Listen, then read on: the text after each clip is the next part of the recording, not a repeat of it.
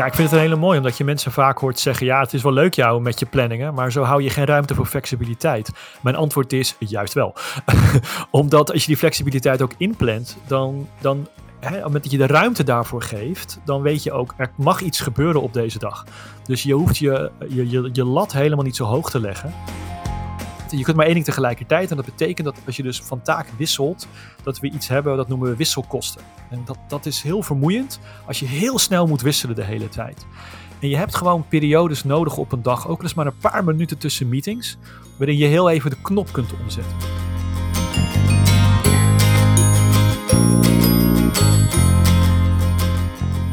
Leuk dat je luistert naar een nieuwe aflevering van de Fit.nl podcast. In deze show gaan we in gesprek met topsporters, wetenschappers en experts om meer uit je sport en leefstijl te halen.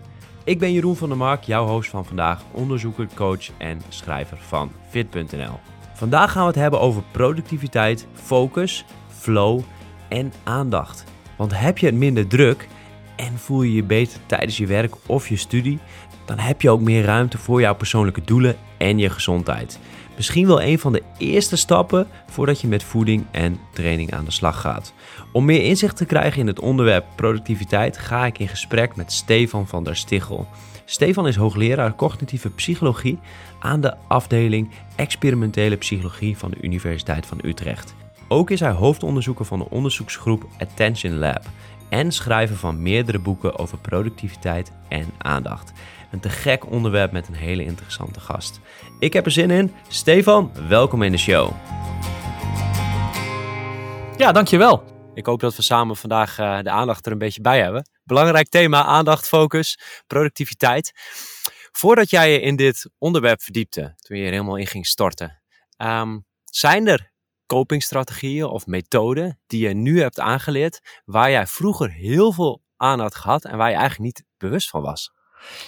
Ja, zeker. Um, een van de dingen die ik geleerd heb, eigenlijk in de afgelopen twee jaar pas, omdat het, het heeft heel veel met de, met de lockdowns te maken gehad, is dat ik het eigenlijk heel erg moeilijk vind om stil te zitten. En dat, ah. um, dat hebben meer mensen, dat heeft niet iedereen. Uh, maar ik merkte dat ik achter de camera zat en me probeerde te concentreren op een gesprek en dat me dat gewoon niet zo goed lukte, omdat ik niet mocht mhm. bewegen. En op een gegeven moment heb ik een Bluetooth headset gekocht en ben ik heel veel van dit soort meetings lopend en bewegend gaan doen. En ik merkte dat ik me zoveel beter kon concentreren. En toen moest ik ook denken aan de hele literatuur over uh, mensen met ADHD, waarvan we weten dat ze eigenlijk alleen maar goed kunnen leren als ze mogen bewegen. En toen dacht ik, oh, in die hoek zit ik ook. En ik heb geen ADHD, maar ADHD is natuurlijk ook maar een soort alles, is ook maar een soort glijdend iets. Hè? Uh, Ik ben van mezelf druk. Uh, en ik merk dat ik veel meer had moeten bewegen en moeten denken, bewegen en had moeten uh, concentreren. Yeah. Want als ik kan bewegen, dan kan ik me beter concentreren. Want als je aan mij vraagt om stil te zitten, dat vind ik gewoon best wel moeilijk. En het, dingen gaan veel natuurlijker als ik mag bewegen. Hmm. Dus uh, je hebt ook gewoon lesgegeven gedurende de COVID. Dus als je die wandelend had kunnen doen met een soort van uh, lesgeven met de telefoon in je hand in het park, dan was dat misschien wel veel prettiger geweest.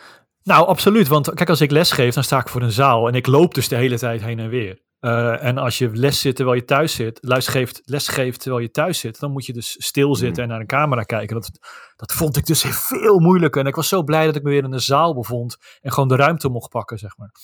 Ja, interactie is super belangrijk. Waarom we deze podcast hebben en waarom ik dit zo'n belangrijk onderwerp vind, is dat er heel veel feiten en fabels zijn. Nou, jij hebt hier meerdere boeken over geschreven. Je doet hier onderzoek naar, dus super interessant thema. En laten we ook eerlijk zijn, we worstelen zelf ook daarmee. Ik vind het als coach nog steeds lastig om bijvoorbeeld mijn telefoon te weerstaan. Productiviteit, dus een heel herkenbaar thema waar we allemaal mee worstelen. Maar er zijn ook allemaal middeltjes. En laten we het hebben over nootropics, speciale koffies, uh, speciale ja. boekjes.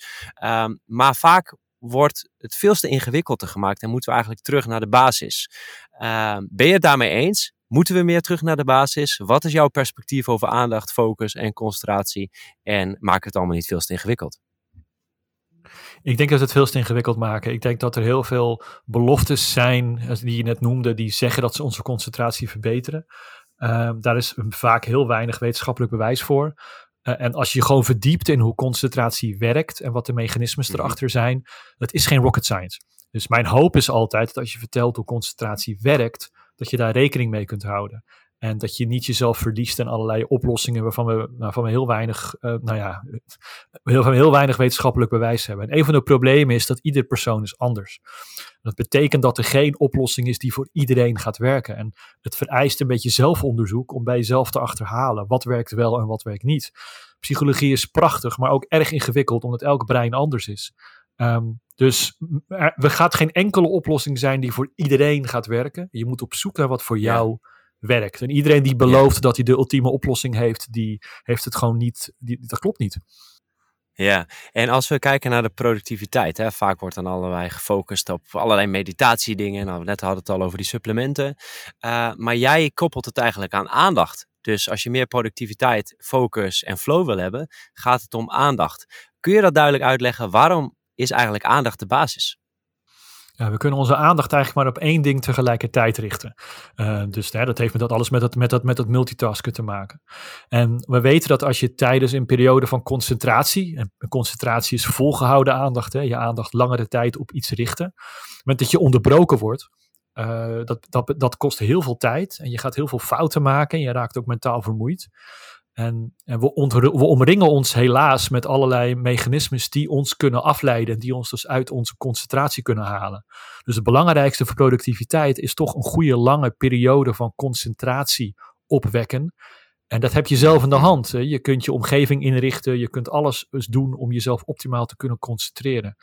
En volgens mij is dat uiteindelijk de sleutel tot productiviteit. Want we kennen heel veel mensen, iedereen kent wel mensen die, ja, die heel creatief zijn, veel goede ideeën hebben. Maar als je niet een periode van concentratie hebt, dan, dan komen die ideeën nooit tot uiting. Ja, dat klinkt heel prettig. Daar wil ik ook heel graag naartoe. Dat is het eindproduct, die, die productiviteit, die flow.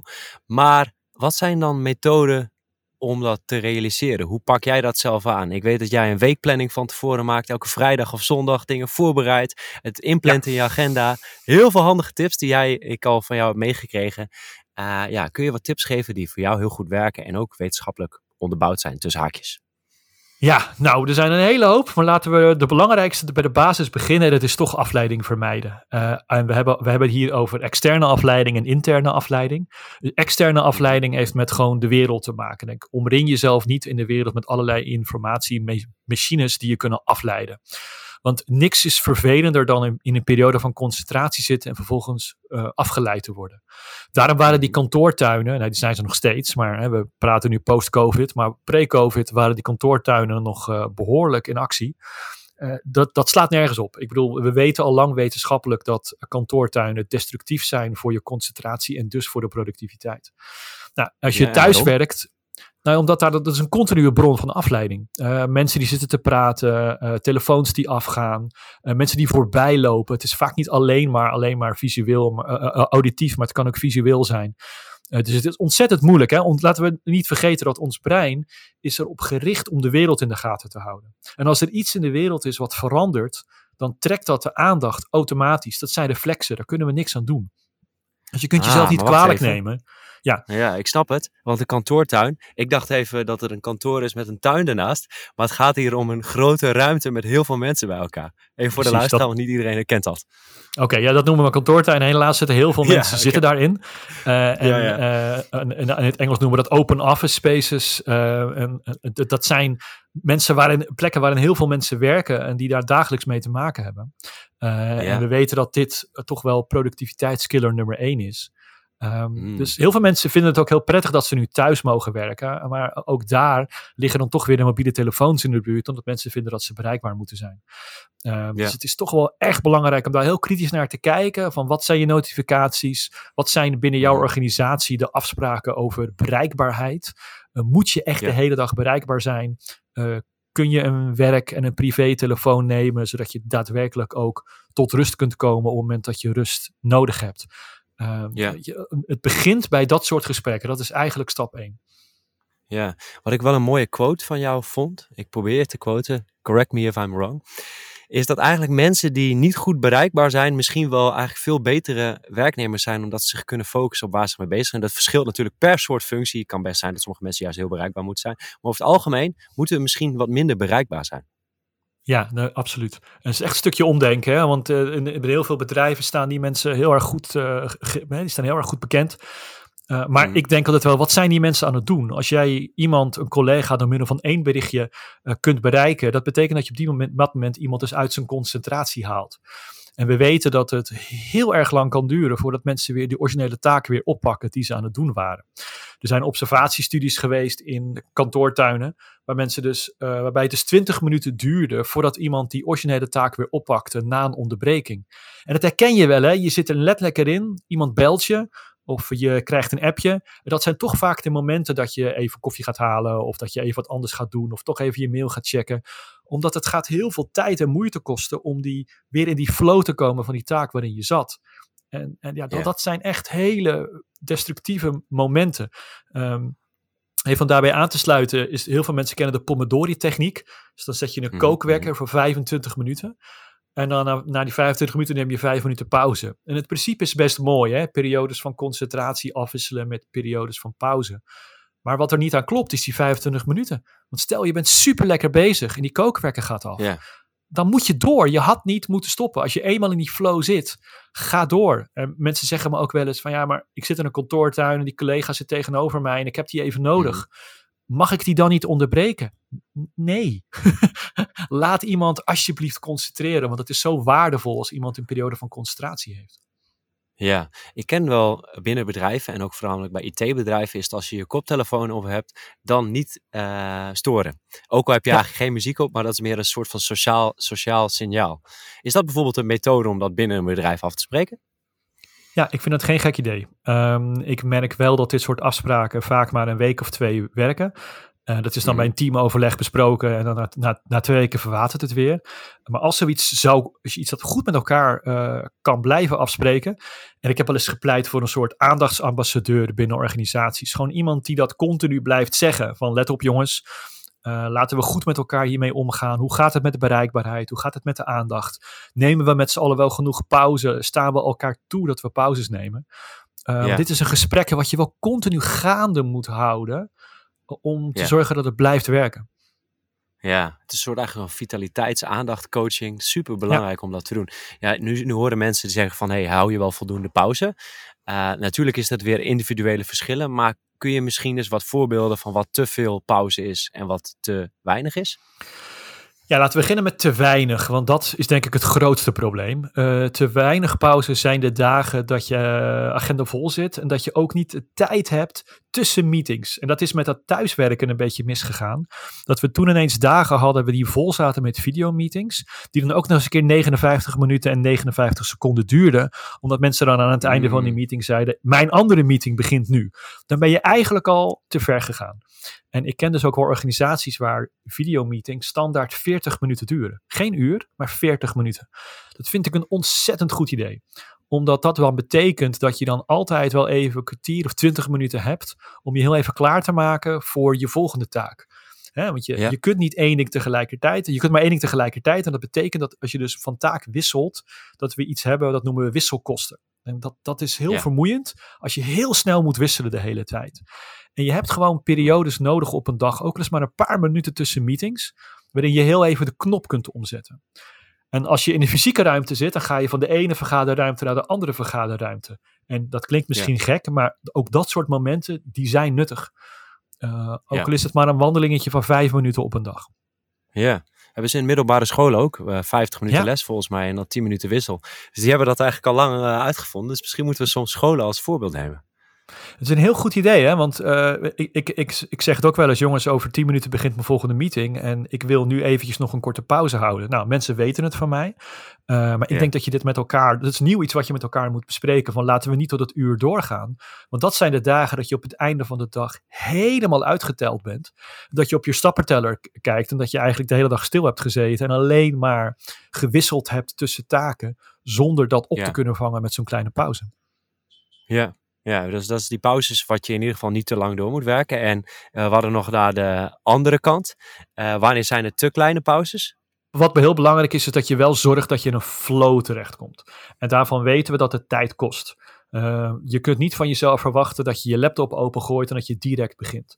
Dus je zult even een paar minuten merken dat het gewoon niet lukt. Dan ben je jezelf Mhm. klaar aan het maken voor die taak. En dat is oké, dat moet je gewoon laten gebeuren.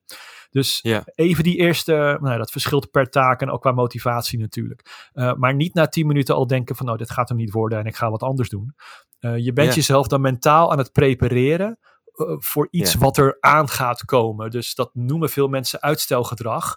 Maar eigenlijk is het dat niet. Ik, ik, ik, ik, ik stel tot het voor, als je de 100 meter sprint gaat lopen, heb je ook altijd even een kwartier nodig dat, je, dat, die, dat die atleten zich helemaal mentaal voorbereiden van oké, ik ga wat heel, ik ga iets heel bijzonders doen. Ik maak mezelf helemaal klaar. Uh, en uh, je kunt niet van jezelf verwachten dat je meteen bam een sprint gaat rennen. En ik had het net het woord flow. En voor mij is flow dat je in een staat van opperste concentratie bent en eigenlijk de wereld om je heen vergeet. Dat heeft even tijd nodig voor je daarin komt. Ja, en eigenlijk, ik hoorde een, een, een quote. Laziness heeft ook wel een functie. Er zitten allerlei Ja. symptomen onder. En dat zou je ook hiermee kunnen zeggen. Je hebt gewoon een warming-up nodig om daarna te presteren. Hoe doe je dat voor jezelf als jij een werkdag begint? Begin je dan gelijk uh, met de moeilijkste taken? Of ga je dan eerst even het nieuws lezen? Hoe pak je dat zelf aan? Want je hebt natuurlijk een voorbeeld hiervoor.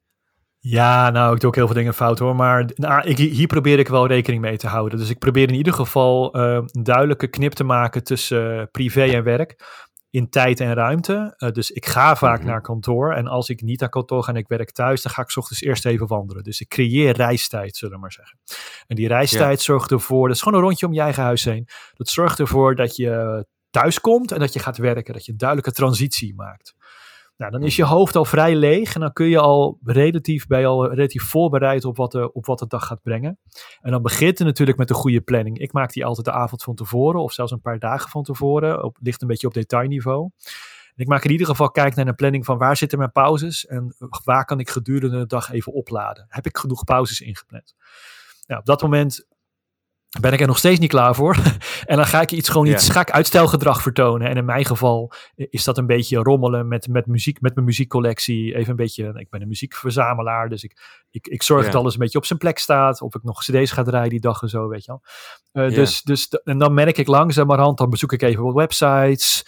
En dan kan ik een beetje gaan opstarten. En in mijn geval werkt het om alle makkelijke dingen eerst te doen. Dus dan zijn die uit, uit de weg. Uh, dus als ik geen afspraken heb, ga ik gewoon de administratieve dingen doen. En ik merk dat ik pas echt in een goede diepe focus kan komen op het moment dat die kleine dingen uit de weg geholpen zijn. Hmm, dat is wel interessant. Want ik had, dit verschilt dat ook nog per persoon. Dat de ene persoon Zeker. eerst de moeilijke cognitieve taken in de ochtend, want dat wordt vaak gezegd. Maar ik ga Ja. zelf er ook heel lekker op om in de avonturen uh, gewoon uh, niet gestoord ontzettend ergens in te duiken. Um, en misschien heb je hier ook wel de avond- en de ochtendmens. Uh, kun je daar ja, wat dat- meer over vertellen? Wat zijn de nuances? Ja, het heeft ook heel erg met, met de bioritme te maken. Waar, waar zit jouw piek? En ik merk dat mijn piek in de avond zit. Ik vind de avond een prettig creatief moment. In mijn geval vooral omdat dan alle kleine dingetjes uit de weg geholpen zijn. En ik ben misschien meer een avondmens. Iedereen heeft een ander bioritme. Dus iedereen kent waarschijnlijk wel de methode Eat That Frog. Dat je begint met het moeilijkste van de dag. En dat je dat moeilijkste 's ochtends doet. Maar dat is dus heel gek als jouw creatieve piek in de avond ligt. Dan is Eat That Frog helemaal niet zo'n goede methode. Uh, je hebt nu eenmaal verschil tussen avondmensen en ochtendmensen. En um, dat is het voordeel van het thuiswerken nu. Dat we onze dag veel meer zelf kunnen indelen. En dus kunnen indelen naar bioritme. Uh, als je geen ochtendmens bent, moet je niet proberen s ochtends ja. enorme prestaties te leveren. Ja, dit is wel mooi, want dit is de eerste fabel. Want deze hoor je dus heel vaak. Je moet in de ochtend niet je e-mails checken en gelijk met de meest, meest ingewikkelde taken beginnen. Dus dit vind ik heel mooi om Ja. dit te horen. Um, wat ik ook een interessant vond, je stipt hem al even aan en je, jij zijn machines en dat deed je bewust. Je benoemde niet alleen computer of telefoon of beide, maar je zijn machines. Dat je daar uh, een soort van je omgeving goed moet veranderen. En ik ken de begrippen proactieve en reactieve zelfcontrole. Je wil eigenlijk zo weinig mogelijk gebruik maken van je wilskracht. Je wil eigenlijk uh, wilskracht zo zoveel mogelijk wegautomatiseren. Wat bedoel ik daarmee? Als ik mijn telefoon, die ligt nu naast mij, die pak ik veel eerder dan dat die 10 meter van me vandaan zou liggen. Um, zie je dit terug ook in wetenschappelijk onderzoek? We weten dat dit met voedingsprikkels gebeurt. Dat, dat als je voeding niet in je omgeving hebt, maar is dit ook zo met productiviteit? Ja, zeker. En het heeft natuurlijk alles te maken met gewoontes. Gewoontes, dingen, dat zijn gedragingen die bijna onbewust worden uitgevoerd. Uh, waar je eigenlijk niet Mhm. over nadenkt. En je, je gaf net een heel mooi voorbeeld. Ik geef altijd het voorbeeld van je mobiele telefoon in je zak. Uh, ik wil dat mensen altijd graag iets meer dagdromen, iets vaker niks doen. Uh, Mhm. Maar je kunt niet niks doen op het moment dat je mobiele telefoon in je, in je zak zit. Want bijna onbewust pak je je mobiele telefoon uit je zak. En dat is de reden waarom mensen, als ze op de bij de bushalte staan te wachten of bij de kassa, dat ze dan eigenlijk uit een automatisme die mobiele telefoon pakken. En dat is geen bewuste Hmm. keuze. Ehm, dus ja, de beste manier is doen? ja, toch om te kijken of je de afstand tussen jezelf en het gedrag zo groot mogelijk kan maken. Dus eh, hem toch uitzetten of in een andere kamer zetten. Als jij een periode van concentratie aan wil, dan kan je niet die mobiele telefoon in de buurt hebben. Want dan ga je bij de minste of geringste moment dat je wilskracht een klein beetje slapper is geworden, ga je hem erbij pakken. Eh, Ja. Opnieuw heeft dat natuurlijk met die bereikbaarheid te maken. Kan dat? Ja, ik denk dat je toch je leven zo kunt inrichten, hopelijk, dat dat dus kan. Dat je in een periode notificaties uit kan zetten en, en je mobiele telefoon. Dus eigenlijk alle triggers die dat, dat automatische onbewuste gedrag kunnen opwekken. Ja, en nu hebben we de omgeving veranderen als je aan het werk bent. Dus ik bijvoorbeeld, ik leg hem niet naast me neer, de telefoon, maar ik leg hem achter mijn laptop neer. Dan is die al Ja. niet in het zicht. Dat is al een klein verschil, dat werkt supergoed. Maar eh, nu gaan we hem nog even veranderen, want we willen ook de, het Nederlandse straat, de straat veranderen. Mensen staan dan bij de bus te wachten en staan dan allemaal op hun telefoon. Nou, op zich is het niet heel erg, maar ik merk toch wel dat de sociale cohesie wat minder wordt. Dat mensen minder tegen elkaar praten. Misschien helpt het ook weer mee aan de individu- individualiserende samenleving. Nou, ik trek nu heel ver. Maar hoe zouden we ervoor kunnen zorgen dat jij dit als luisterend individu, dat je eh, niet die telefoon erbij pakt zonder dat je ook pop-ups hebt? Zijn, zijn er nog trucjes die je zegt, oh, dat is een goeie? Ja, nou een belangrijk voordeel dat ik ook nog even wil noemen is toch dat dagdromen. Dus momenten dat je even niks doet en pauze neemt. Want op het moment dat je op je, Hmm. juist die momenten dat je even staat, eh, op de bus staat te wachten, is het zijn de momenten om even je gedachten te laten gaan. En we weten dat er allemaal positieve eigenschappen aan, eh, aan hangen. Dus ik denk dat dat ook nog een belangrijk is om, eh, om toe te voegen.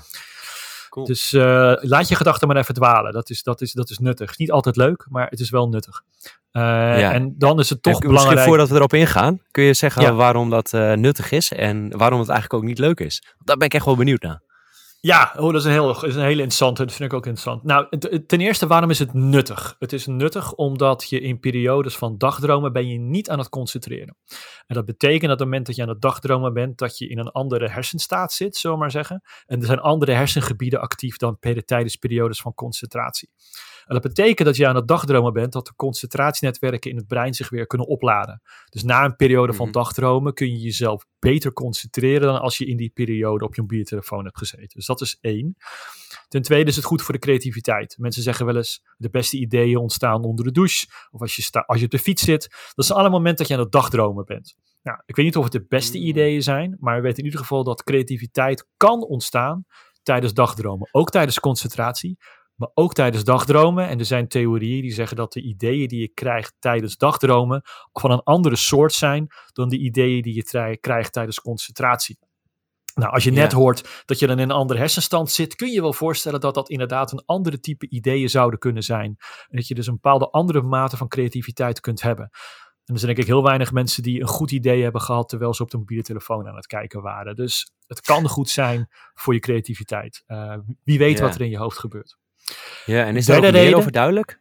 Is daar ook meer over duidelijk hoe dat in die hersenen werkt? In de hersenen zelf zijn er dan hersensignalen die anders niet eh, actief... Of weten we dat eigenlijk nog niet? Ja, we weten het wel. Het is een ander hersennetwerk. En op het moment dat je in een ander hersennetwerk zit, spreek je dus andere delen van je brein aan. Eh, dus het zijn een Hmm. andere type ideeën die je krijgt. Eh, misschien wel meer, minder talig. Meer, het, is, het is maar net in welke stand je zit. Dan op het moment dat jij geconcentreerd bent. En eh, daarom spreek je andere hersennet, hersendelen aan, waardoor dus ook andere Ja. type ideeën zouden kunnen opborrelen. Dit is niet keihard wetenschappelijk bewezen, want hoe doe je dit? Uh, maar Ja. het is niet een hele gekke hypothese als je weet hoe het brein werkt, zullen we maar zeggen. Het is, het is een ander gedeelte wat aangesproken wordt. Maar volgens mij moeten we ook nog het hele hersengebied, net zoals DNA, over 20, 30 jaar, daar weten we veel meer over de hersenfuncties en hoe dat precies werkt. En we denken daar misschien nog wat te redu- reductionistisch over. Ehm, Dus dat, eh, dat moet toekomstig onderzoek. Maar we hebben wel een idee, dat is super boeiend. Ik onderbrak je met het derde punt. Het derde punt is die zelfreflectie. En dat had met het punt te maken van waarom is het vaak niet zo leuk. Nou, er is een science publicatie met als titel A Wandering Mind is an Unhappy Mind. En dat laat zien dat als je gaat dagdromen, dat lijkt vaak een beetje op piekeren. Uh, en ik herken dat zelf ook wel. Ik ben niet altijd de meest vrolijke jongen op de fiets. Uh, maar toch heeft het functie. En we weten dat mensen dat niet heel vaak prettig vinden. En dat kan vaak een reden zijn om die mobiele telefoon erbij te pakken. Want ja, dan ben je niet meer aan het dagdromen. Uh, maar we weten dat die zelfreflectie wel kan leiden tot eventueel initiatieven. Nou, een voorbeeld is daarvan. Als ik aan dagdromen ben, een tijd geleden in ieder geval, moest ik heel vaak aan een bepaalde vriendschap denken die niet helemaal lekker liep. Mhm.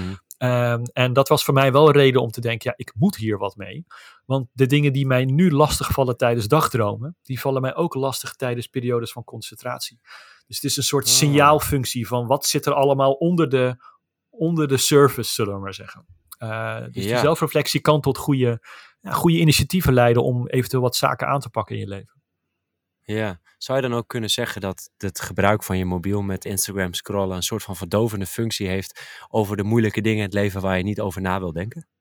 Ik vind het een prachtige uitspraak. Ik zou het niet beter kunnen verwoorden dan dat. Nee, ik denk dat, dat- ja, ik denk dat dat zo is. Ik denk dat voor heel veel mensen dat wel Ja. geldt. En dat is soms ook wel prettig natuurlijk. Als je echt diep in je gedachten en die zijn echt niet prettig, dan is het, doe dat dan. En eh, weet je wel, eh, zoek ook zeker hulp en zo. Eh, maar, Ja. maar natuurlijk, het is een mobiele telefoon is ook, het is sowieso leuk. Want die Ja. algoritmes zijn erop gericht om jou leuke informatie te geven. Dus natuurlijk Mhm. ben je in één stand, word je weer, krijg je nieuwe informatie die leuk is, die vrolijk is. Ja, prima Ja. natuurlijk. Maar ja, Oké, Hm? ja. En als we het hadden het al even over zelfcontrole. Hè? We staan dan bij de bus en moeten eigenlijk meer onze mind laten wandelen. Eh, alleen die reactieve zelfcontrole, die is super snel depleted. En dat is super uitdagend. Ik zelf als leefstijlcoach, als je mij allemaal lekkere lekkernijen voor mijn neus zet, dan ga ik het alsnog pakken. Mijn telefoon ook. Dus ik moet mijn omgeving dusdanig veranderen. Ik heb alle pop-ups uit, maar toch pak ik mijn telefoon er soms bij en ga ik dat checken, terwijl ik eigenlijk heel onbewust dat doe. Zijn er methoden, want je gaat soms op pad met de bus bewijzen van, stel je even voor, methoden om dat alsnog te ontsnappen? Of zijn we gewoon echt overleverd aan, of moet je telefoon uitzetten, zijn we overleverd aan de techniek? Nee, dat laatste wil ik nooit geloven. Ik denk altijd dat we daar een controle hebben over onze aandacht. Ehm, een van de dingen die ik vaak hoor en waar ik zelf ook wel een eh, behoorlijke gebruiker van ben, is gewoon het verminderen van het sociale platforms die op je mobiele telefoon geïnstalleerd staan. Ehm, en dus ik ben, ik heb gekeken naar waar wil ik echt actief op zijn. Nou, in mijn geval bleek dat heel weinig te zijn.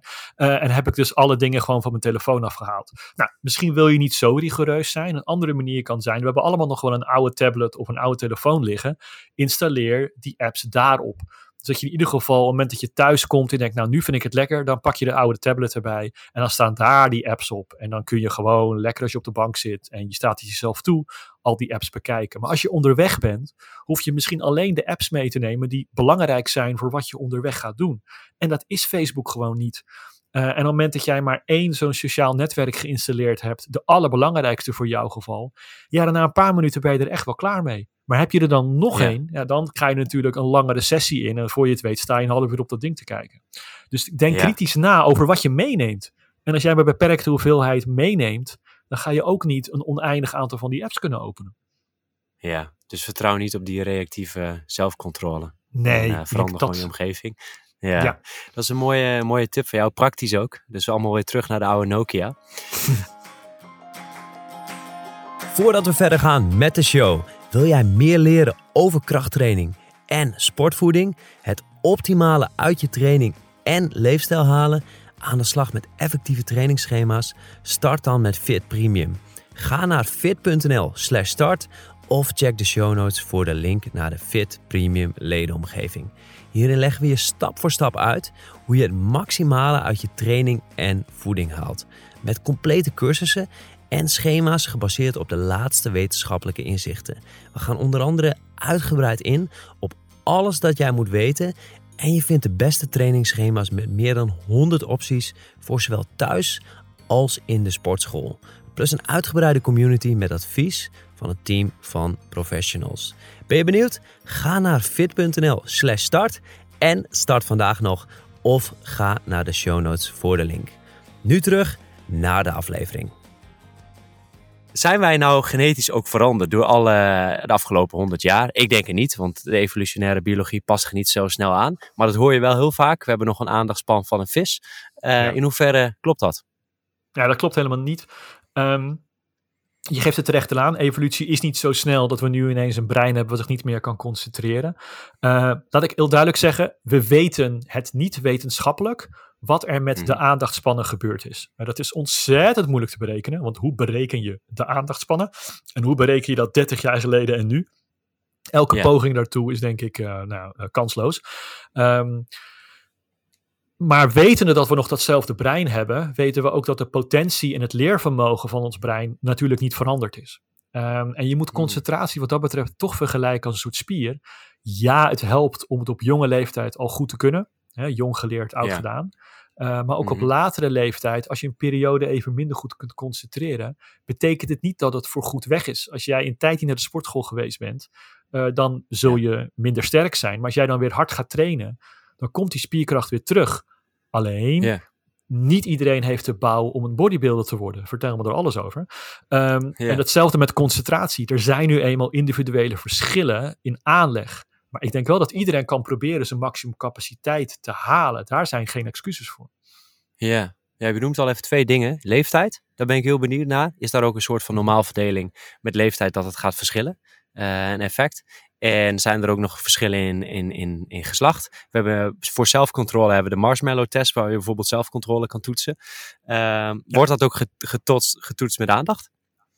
Ja, we weten dat aandacht zich uh, wat later ontwikkelt, omdat alles met de frontaalkwap te maken heeft. Hè, de controle, de cognitieve controle over de taken die je uitvoert en hoeveel je afgeleid wordt. Uh, dus we weten dat de frontaalkwap echt op zijn meest, op zijn best is rond 2021. En daarna wordt hij minder sterk. En dat gaat heel geleidelijk hoor. Maar dus leeftijd speelt zeker een rol. Jongeren zijn eerder afgeleid door informatie in de omgeving, maar ook informatie van binnen. Hè. We hebben het heel veel nu over afleiding van buiten gehad. Maar laten we de afleiding van binnen, die is misschien net zo heftig. Gedachten die opborrelen, zorgen die je maakt, nou dat soort zaken. Uh, dus als je ouder wordt, wordt dat lastiger. Uh, aan de andere kant, als je ouder wordt, omring je misschien ook wat minder door allerlei van dat soort uh, afleidende informatie. Maar in principe is de aandacht op zijn optimum rond 2021 en neemt er daarna geleidelijk af. En jongeren zijn minder goed in concentreren, omdat die frontaalkwap nog niet zo goed ontwikkeld is. Er is absoluut geen verschil tussen mannen en vrouwen in welke van deze functies dan ook. Dus wat je wel eens hoort over multitasken en mannen en vrouwen, dat is allemaal wetenschappelijke onzin. Ah, nou dan hebben we fabel 2. Hoe wordt dat onderzocht? Hoe, wat zijn dan van uw onderzoekjes hoe ze, hoe ze dit ooit getest hebben? Nou, er zijn een aantal manieren om het te onderzoeken. Je kunt gewoon kijken hoe lang gaan mensen een taak kunnen uitvoeren voordat ze fouten beginnen te maken. En dan doe je gewoon een hele simpele taak en dan ga je kijken wanneer stort dat in. Uh, nou, dat is natuurlijk een labstudie, dus het is op geen enkele manier te generaliseren naar het echte leven, omdat in het echte leven ook motivatie een rol speelt en uh, mm. mensen natuurlijk ook gewoon, uh, nou ja, wel of niet goed geslapen kunnen hebben en dat soort dingen. Dus, in het, dus dat is heel moeilijk om toe te passen op, de, op, het, op, het, op het dagelijks leven. Maar effecten van leeftijd kunnen we natuurlijk wel vergelijken. Uh, een van de taken die dan ook heel veel gebruikt wordt, is om te kijken hoe snel mensen kunnen wisselen tussen taken, hoeveel tijd dat kost. En hoe ontvankelijk ze zijn voor afleiders. Uh, dus dan laat je mensen een taak uitvoeren en dan geef je ze allerlei afleidende informatie in de ooghoeken. En dan ga je gewoon kijken, blijven mensen die taak goed uitvoeren of worden ze gevoelig voor die afleiders? Gaan ze fouten maken? Nou, en dan zie je die ah. leeftijdseffecten heel sterk terugkomen. Wel leuk onderzoek, hè? En super waardevol. Ja. Als we het uh, over een soort van experiment of onderzoek uh, persoon hebben, Elon Musk, die, die schijnt te slapen in de fabriek. Misschien zijn dat een beetje spookverhalen, maar echt uh, gigantische weken te maken en ook hele belangrijke beslissingen moet hij nemen. Zou hij een statistische outlier zijn met zijn focus? Of zou je zeggen van hé, hey, die heeft zijn omgeving zo goed gemanaged en, en alles geoptimaliseerd eromheen dat hij super lang kan focussen? Hoe zie jij zulke CEO's? Ja, nou, ten eerste zou dus een outlier kunnen zijn. Er zijn mensen die zich van nature nu eenmaal gewoon ontzettend goed, goed kunnen concentreren en die ook van de kantoortuin geen enkel last hebben. Maar wat je heel vaak ziet bij CEO's is dat zij hun leven zo hebben ingericht dat ze alleen maar in het moment hoeven te zijn.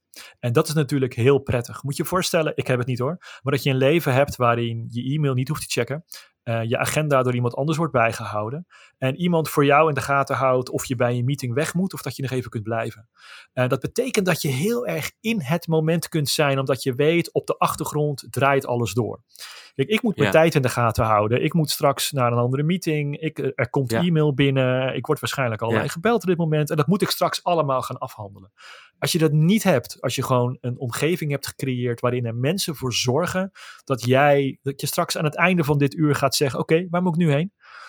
Ja, dat zorgt dat je in het moment kunt zijn en dat je dus echt kunt concentreren op wat op dat moment is. Ja, en dat hebben heel veel mensen natuurlijk gewoon niet, omdat ze ook nog eens keren gewoon een eigen secretaris of secretaris zijn.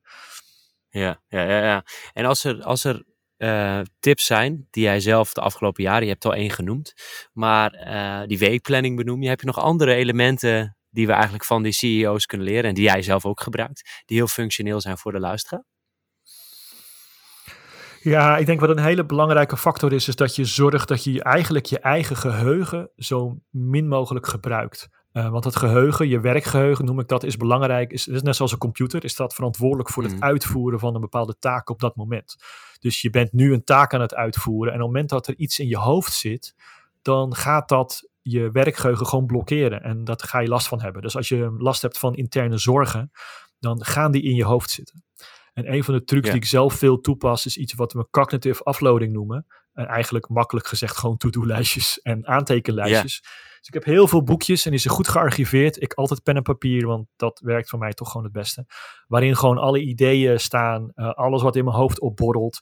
En voor de periode van concentratie schrijf ik die eerst uit mijn hoofd. En ik eh, zeg het ook altijd tegen studenten als tentamens gaan maken zorg dat wat er in je hoofd zit, dat je dat kwijt bent. En het kunnen ook zorgen zijn, uh, dat kan uh, problemen die je later nog moet oplossen. Maar het toevertrouwen aan het papier, dat is allemaal wetenschappelijk bewijs voor, laat zien uh, dat het uit je hoofd gaat. En dat je dus in je hoofd veel meer ruimte hebt om, net zoals die CEO's, echt in het moment te kunnen zijn. Want dat is natuurlijk wat je, wanneer je pas echt zuivere aandacht hebt. Als alleen yeah, yeah. Je in het moment hoeft te zijn en bezig hoeft te zijn met wat er op dat moment is. En hmm. als je je omgeving goed ingericht hebt, maar er zit toch van alles in je hoofd, dan kan je nog steeds niet in het moment met echte aandacht zijn. Ja, ik probeer met volle aandacht te luisteren. Als ik nou die to-do-list, uh, die maak ik zelf ook. Maar ik heb ook de fouten gemaakt dat ik veel te veel neerzet. Eigenlijk kun je er ook niet te weinig neerzetten. Ik heb eigenlijk twee soorten to-do-list. En ik wil het even aan jou reflecteren wat jij ervan denkt. De to-do-list is dat ik dagen, ik, ik ga op de zondag mijn hele week uitschrijven. Misschien moet ik dat eigenlijk al op de vrijdag doen. Maar op de zondag schrijf ik dat uit. En uh, dan zet ik taken in de week neer. En dan weet ik ongeveer wat ik ga doen, welke afspraken ik heb. En op een dag maak ik nog, soms nog even wat extra taken. Wat ik de, voor de volgende dag, zo weet ik wat de volgende dag er allemaal gaat komen. Um, en soms heb ik wel dat ik te weinig taken daar neerzet. Maar ik heb ook nog een externe online takenlijst waarbij ik dan kan gaan snoepen om die dag verder te vullen als ik nog meer wil gaan vullen. Is dat een mooie methode dat je eigenlijk iets te weinig in je dag programmeert en dan extern wat van die harde schijf in kan laden? Ja, ik vind het een hele mooi, omdat je mensen vaak hoort zeggen: ja, het is wel leuk jou met je planningen, maar zo hou je geen ruimte voor flexibiliteit. Mijn antwoord is juist wel. omdat als je die flexibiliteit ook inplant, dan, dan moment dat je de ruimte daarvoor geeft, dan weet je ook, er mag iets gebeuren op deze dag. Dus je hoeft je, je, je, je lat helemaal niet zo hoog te leggen, um, zodat je ook nog eens een keer dingen gedaan krijgt die je wil en ruimte houdt voor hmm. flexibiliteit. En ik hoor jou zeggen, op het moment dat je voelt dat je ruimte over hebt, hè, dan ga je eens even kijken, wat zou ik nog meer kunnen doen? Als je hem helemaal vol zet, ja, dan hou je geen ruimte voor flexibiliteit. En dan kun je aan het einde van de dag natuurlijk ook gewoon een ontevreden gevoel hebben. Want er kan zomaar iets tussen komen. Dus hou op die manier ook ruimte voor eventuele dingen die kunnen gebeuren gedurende de dag. Dus dat, dat, is, dat, dat lijkt me daardoor een vrij goede oplossing voor. Ja, en het kost niet zoveel, zo'n to-do-listje bij de Action. En nou, ze vast ook andere bedrijven, maar dan kun je voor ja. 2, 3 euro zo'n boekje kopen. En het mooie van wat ik vind, uh, is dat je als iets opschrijft, dat je het af kan vinken. En dat geeft een goed gevoel. En dan heb je aan het einde van de dag, denk je, oh, ik heb dit toch allemaal gedaan. En heb je niet gestrest, gestrest gevoel van, ik heb niks gedaan. En misschien schrijf ook soms kleinere taken op. Of als je een belletje hebt gehad, en dan niet misschien een belletje van een minuut. Maar dat zelfreflectief vermogen aan het eind van de dag geeft een goed gevoel. Um, een ander, ik kwam tegen op Spotify. Ik was even aan het zoeken naar podcast over jou. Ik zag ook dat je play, verschillende playlists hebt. Met dit in de achterhoofd. Welke muziek werkt goed voor jou, voor je focus? En werkt muziek überhaupt goed voor je focus? Ja, daar zijn uh, individuele verschillen voor. Er zijn mensen die muziek niet kunnen negeren. Uh, mm -hmm. ook, als ze muziek is, ook als het muziek is die ze heel goed kennen. Want dat is natuurlijk het belangrijkste op het moment dat je muziek gaat gebruiken voor concentratie. Het liefst muziek die of je heel goed kent. En dan op een gegeven moment kun je het wel uitfilteren. Omdat je het gewoon, ja. eh, je hoeft niet meer actief te luisteren, who cares. Of muziek die gewoon niet aandachtgrijpend is. En daar zijn natuurlijk heel ja. veel van die playlists op gericht. Uh, je wil niet dat er Nederlandstalig gezongen wordt. Dat wil je sowieso niet, maar dat is een matter of taste. Ja. Sorry, dat is een flauw grapje. Um, maar uh, ten tweede, we gaan gewoon automatisch naar Nederlandstalige muziek luisteren. Dat grijpt de aandacht. dus het liefste mm. muziek waarin niet gezongen wordt, vooral niet in je eigen taal. Uh, en muziek waarin niet heel veel heftige tempowisselingen zitten, want dat is heel aandachtvragend. muziek is natuurlijk heel prettig. Want op het moment dat je een beetje down bent, kan muziek je upgeven. En op het moment dat je veel te up bent, kan muziek je een beetje down brengen. En dus het kan heel erg mood-regulerend zijn en energie, energieregulerend. En dat vind ik zelf heel erg prettig. Het, het kan aansluiten bij de taak die ik heb. Als het iets veel energie vereist, dan kan ik dat met de muziek kan ik mezelf in die vibe brengen. Ehm, maar ja, wat mij heel goed werkt is neoclassiek. Ik vind het hele mooie muziek. Ehm, en, Mhm. en eh, bepaalde DJ-sets waar vrij standaard, eh, vrij standaard BPM wordt gebruikt. Niet te, niet te veel heftige wisselingen. Ja, nou, ik ga geen heftige hip-hop zitten luisteren, want daar word ik te hyped van. Eh, en ik ga toch Mhm. zitten luisteren. Als mijn favoriete band een nieuw album heeft uitgebracht, ga ik dat niet zitten luisteren tijdens werk. Want dan wil ik het horen. Ja, oké. Nou, dus dat eh, heeft wel enige fundatie in onderzoek, denk ik dan. Is dat ook echt Ja. daadwerkelijk onderzocht? Ja, zeker. zeker. Heel mensen gebruiken, die, mensen gebruiken die muziek ook als een soort wall of sound. Hè? Want kijk, als er iets in je omgeving gebeurt, een geluid, Mhm. dan, eh, ver- dan verdwijnt dat eigenlijk in de muziek. Terwijl als het helemaal stil is, Ja. dan gaat het de aandacht grijpen. Dus mensen, mensen vinden koffietentjes ook wel prettig om te werken, omdat daar al een beetje geroezemoes op de achtergrond is. En dat kunnen we heel goed wegfilteren. Ah, Vooral die abrupte veranderingen, die vallen zo heftig op. ja, ik kan zelfs in, in een discotheek werken, heb ik getest. Maar daar Ja. krijg ik ook hyperfocus van. Dus zitten hele grote verschillen per persoon. Eh, Ja. Dan over drankjes gesproken. We hebben het over discotheken. Maar het onderwerp cafeïne is natuurlijk ook een belangrijke. We weten dat met sportperformance. Dat dat ook een, een, een soort van threshold effect heeft. Op een gegeven moment krijg je een verlies. ehm, dat je geen focus meer hebt. Eh, zien we dat ook terug met de wer- werkperformance? Ja, ik denk dat het precies, precies op dezelfde manier werkt inderdaad. Het is een gratis shotje tijdelijke concentratie. Eh, het werkt tijdelijk. Hoe lang het bij je het werkt is heel erg per per persoon afhankelijk. En uiteraard Ja. veroorzaakt door hoeveel cafeïne je sowieso al eerder in je leven genomen hebt. Eh, maar het heeft een aantal nadelen. Eh, het belangrijkste nadeel is uiteraard slaap. Eh, je slaap wordt minder goed. Eh, dus je moet hem heel goed plannen wanneer je hem inzet. En ten tweede is, ja, je Hmm. krijgt daarna de dip. En als je die weer met cafeïne gaat opvangen, dan zit je aan het einde van de dag aan een veel te hoge cafeïne voor, voor goede slaap en om überhaupt voor concentratie. Want je wordt ook een beetje, je wordt een beetje rillerig op een gegeven moment, hè, bijna een beetje angstig en zo, een beetje geha- gehaast. Eh, met met te veel ca- cafeïne. Dus ik stel altijd voor om voor jezelf een goede cafeïne-strategie te ontwikkelen. Eh, maar ook daar zijn weer geen Mhm. kant-en-klare pakketten voor, omdat dit weer heel erg verschilt tussen personen. Ja, en wat ik ook nog wel interessant vind is slaap. Waar ik ook een beetje bang voor ben is soms het, nocebo-effect, een negatief verwachtingseffect. Dus ik denk dat ik slecht heb geslapen, of ik heb een keer zeven of zes uur geslapen. En daarna is mijn productiviteit en focus veel minder. Uh, is het ook echt zo dat als je één nacht of twee nachten iets minder hebt geslapen, dat je dan veel minder focus hebt? Of is dit de nocebo-visieuze cirkel die we zelf creëren? Het is een interactie met andere factoren natuurlijk. Als jij super gemotiveerd bent om iets te doen uh, en je bent het echt, je vindt het het allerleukste in de wereld wat je gaat doen, dan kun je dat wel compenseren.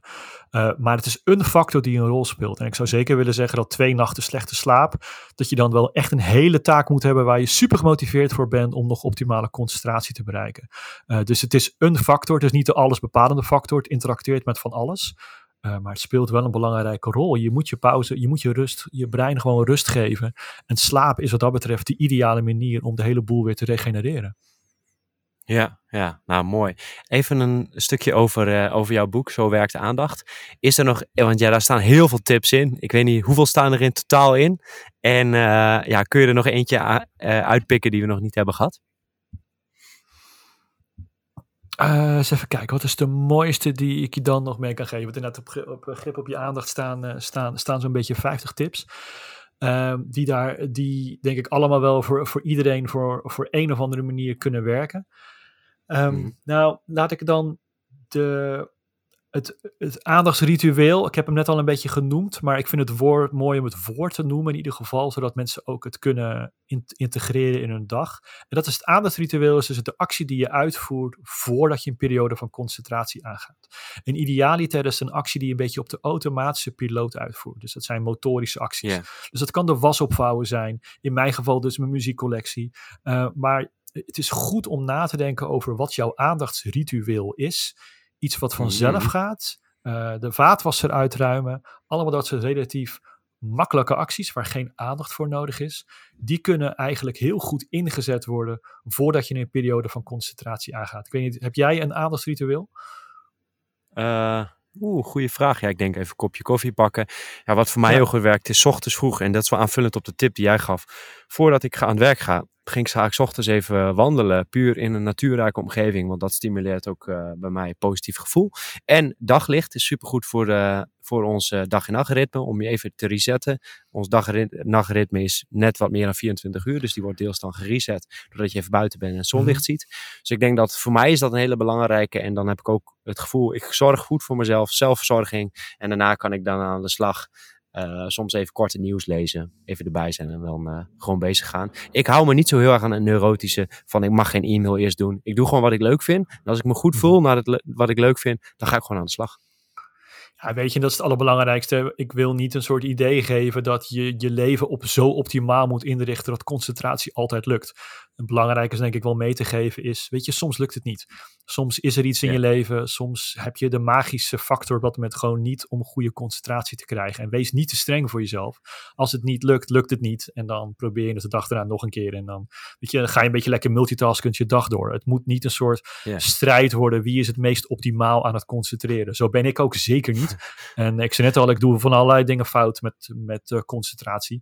Maar het zijn net even die principes waar je denk ik wel... Denk, een van de dingen die ik ook niet wist, was het enorme wetenschappelijke effect wat mindfulness heeft. Um, en het bewijs wat er in de wetenschap heerst dat mindfulness een goede concentratietraining is. Nou, weet je, dat, Hm. dat opende voor mij toch wel een wereld. En als je daarin gaat duiken, dan snap je ook ineens waar dat vandaan komt en waar die kracht in zit. Uh, Ja. Ja, dat zijn dingen die de wetenschap je wel kunnen vertellen. En in mijn geval werkt dat heel erg goed. Ah, mooi. En wanneer doe je dat? Ik probeer het gedurende de dag te doen. Dus ik heb het inderdaad in een periode aangeleerd dat ik het op een vast moment deed. Maar op een gegeven moment Mhm. merkte ik dat me dat wel redelijk afging. En nu probeer ik het dus in mijn dag te integreren. Dus juist die momenten als ik op de fiets zit. eh, juist die momenten dat ik, dat ik, dat ik... Het is niet hetzelfde als een pauze. Hè? Laten we dat verschil heel duidelijk maken. Het is gewoon, het is gewoon hard werken. Eh, maar ik probeer wel, als ik bepaalde dingen mindful kan doen, om die mindful te doen. En daarmee train je uiteindelijk ook je concentratie. Hmm, in echt in het moment. Ik zei, eh, zo werkt aandacht, maar jij corrigeerde hem al mooi. Grip op aandacht. Die is dus verschenen in 2020. En je hebt drie boeken in totaal geschreven. En ook internationaal eh, is die vertaald. Dus dat is hartstikke leuk om te horen. Die zetten we even in de show notes. De Nederlandse versies dan. Voor mensen die dat interessant vinden en daarmee aan de slag willen. Uh, super veel tips. Heel waardevol. Is er iets dat je zegt, hey, dit hebben we gemist. Dit had ik nog graag willen vertellen. Ja, ik sneakte net mindfulness er al in. Dus dat, dat was al mijn. Uh, oh, wacht eens even. Die moet ik, die moet ik, die moet ik nog even ah, doen. Dus daar, uh, daar, had, daar, daar had ik hem stiekem al gedaan. Top. Nou, we hebben, ik zet even in de show notes. We hebben ook nog een keer een podcast opgenomen over mindfulness en hoe dat precies werkt. En dan ook in relatie met gezondheidsdoelen. Dus die staat in de show notes. Mochten mensen zich daar verder in willen verdiepen. De boeken staan ook in de show notes. Uh, dan nog even over een stukje wetenschap. Uh, zijn er, denk je, uh, toekomstige paradigmaverschuivingen? Ideeën over aandacht, focus, productiviteit of dingen waar jij onderzoek naar doet? Wat heel interessant is om over te vertellen. Ja, uh, zeker. En ik heb net uh, een enorm mooie subsidie binnen weten te hengelen voor de komende paar jaren die hierover gaat. En dat ik heb het helemaal een paar keer voorbij laten komen. Dat is toch die neurodiversiteit. En mm. wat ik nu mag gaan doen, gelukkig, en uh, dat, daar heb ik heel veel zin in met een nieuw groot team, is dat we eigenlijk deze processen van aandacht over de hele wereld kunnen gaan onderzoeken. Omdat dus eigenlijk de, heel veel van de wetenschappelijke dingen die ik zojuist verteld, is allemaal gericht op nou, westerse uh, westerse landen in een bepaalde leeftijdsrange en een bepaalde opleidingsklasse. Uh, en we weten binnen de psychologie eigenlijk heel erg weinig over hoe dit soort zaken werken uh, als we buiten deze maatschappijen gaan kijken. En dan denk je misschien, ja, is dat nou interessant? Ja, heel erg. Omdat er ideeën zijn dat uh, mensen Mhm. bijvoorbeeld in de westerse samenleving op een andere manier aandacht geven dan mensen die in, in oosterse samenlevingen. En ben daar heel benieuwd naar of dat klopt. Je kent vast wel de Mhm. replicatiecrisis, waar de psychologie ook wel een beetje last van heeft. En ik wil dat 100%. eigenlijk nou eens een keer goed gaan aanpakken. Uh, en ik vind het belangrijk Ah. omdat het, als het zo is, dan is de aandacht, de manier waarop we aandacht geven aan de wereld, of op details letten, of op het grote plaatje letten, dat zou kunnen verschillen tussen culturen.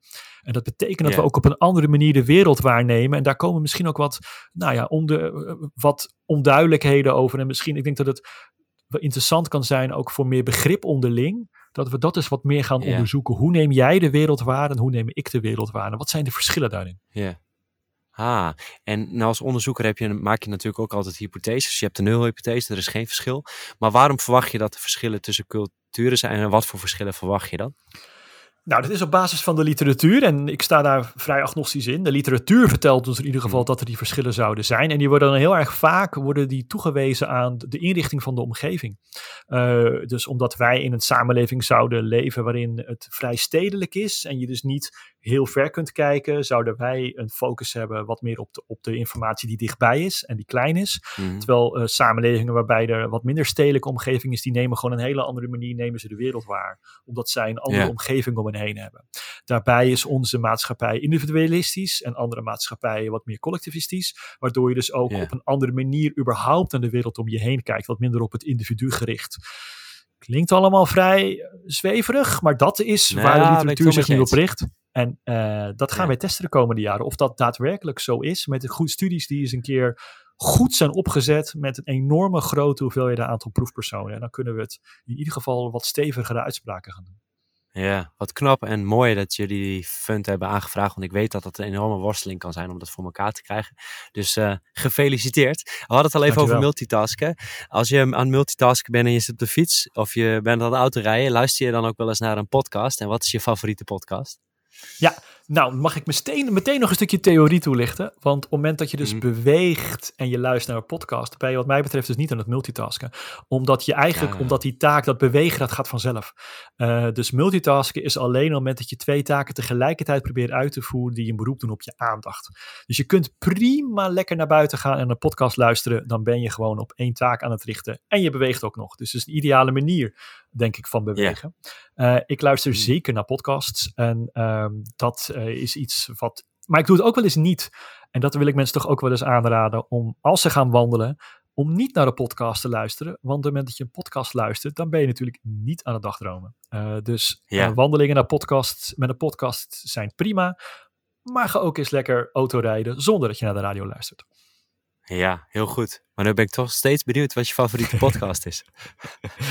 Mijn favoriete podcast, laat ik er eentje noemen die gewoon persoonsgebonden is. Dat is zeg maar niet zozeer mijn werk, maar ik ben een muziekliefhebber.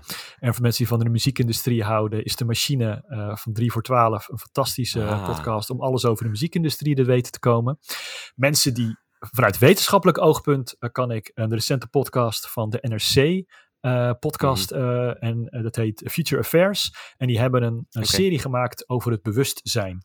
En die is goed voor mensen die daar nou eens in dat filosofische concept in willen stappen. Hij, hij is voor iedereen goed te volgen, denk ik. dus voor mensen die dingen zoals aandacht en bewustzijn interessant vinden, kan ik die podcast zeker aanraden. Ja, ik ga hem straks even op de fiets luisteren. Ik ben heel benieuwd. Um, super tof. En ik zag al aan de muziek in je playlist dat hij al een beetje uh, alternatief indie uh, wat in terugkwam. Dus ik herkende al een beetje de VPRO-inslag. Uh, ja, um, en als er een, een, favoriete boek is, wat misschien hierop ja, niet op aansluit. Als je zegt, hey, dat is een leuk boek om even je mind te laten wandelen. Om even uit de dagelijkse realiteit te komen. Iets wat je aan vrienden of familie zou weggeven. En waarom? Ja. Michael Pollan, How to Change Your Mind. Uh, is een boek hmm. over psychedelica en de opkomst van de psychedelica en de, eh, de geschiedenis daarvan en ook de potentie die hmm. dat heeft. Uh, geestverruimende middelen. op een hele wetenschappelijke manier beschreven, maar hij gaat zelf ook de reis aan met de psychedelica. En als waarnemingsonderzoeker vind ik dat natuurlijk machtig interessant over wat er in je brein gebeurt op het moment dat je middelen neemt die de boel een beetje op zijn kop zetten. En Michael Pollan is sowieso een hele goede schrijver, maar dit boek heb ik aan meerdere mensen cadeau gedaan. Leuk. Ja, je bent niet de eerste. Uh, Nina Schimmel in onze podcast die onderzoek heeft gedaan naar uh, um, onder andere dit onderwerp. Uh, gaf deze ook als tip, zoals ik me goed kan herinneren. Dus dit schijnt er dus al een heel goed boek te zijn. dus mooi, mooi. Het is toch een beetje een soort van cirkel die rond is. Ik ja, wil je erg bedanken, want jij hebt straks weer een andere afspraak. En dat je even, even weer rust hebt. En voor de volgende afspraak. Dus Stefan, super bedankt voor je tijd en inzichten. Heel waardevol. Graag gedaan. Hè. Hoi hoi. Leuk dat je hebt geluisterd naar deze aflevering met Stefan van der Stichel. Wil je meer informatie? Bekijk dan even de show notes voor de besproken links, boeken en artikelen. En voordat je de show uitzet, zouden we het super leuk vinden als je de show deelt. Zo kunnen we nog meer mensen in Nederland bereiken met deze onderwerpen rondom leefstijl, focus en productiviteit. En als je tijd hebt, laat even een review achter via iTunes. Je kunt niet alleen een aantal sterren geven, maar ook een tekstje. En dan krijgen we mee en dan komen we hoger in het algoritme. En dat zou ons enorm helpen. En daarnaast, het kan ook via Spotify, mocht je geen iTunes hebben. Nou, het zou super leuk zijn. Thanks in ieder geval. En sowieso, tot bij de volgende aflevering. Bedankt voor het luisteren.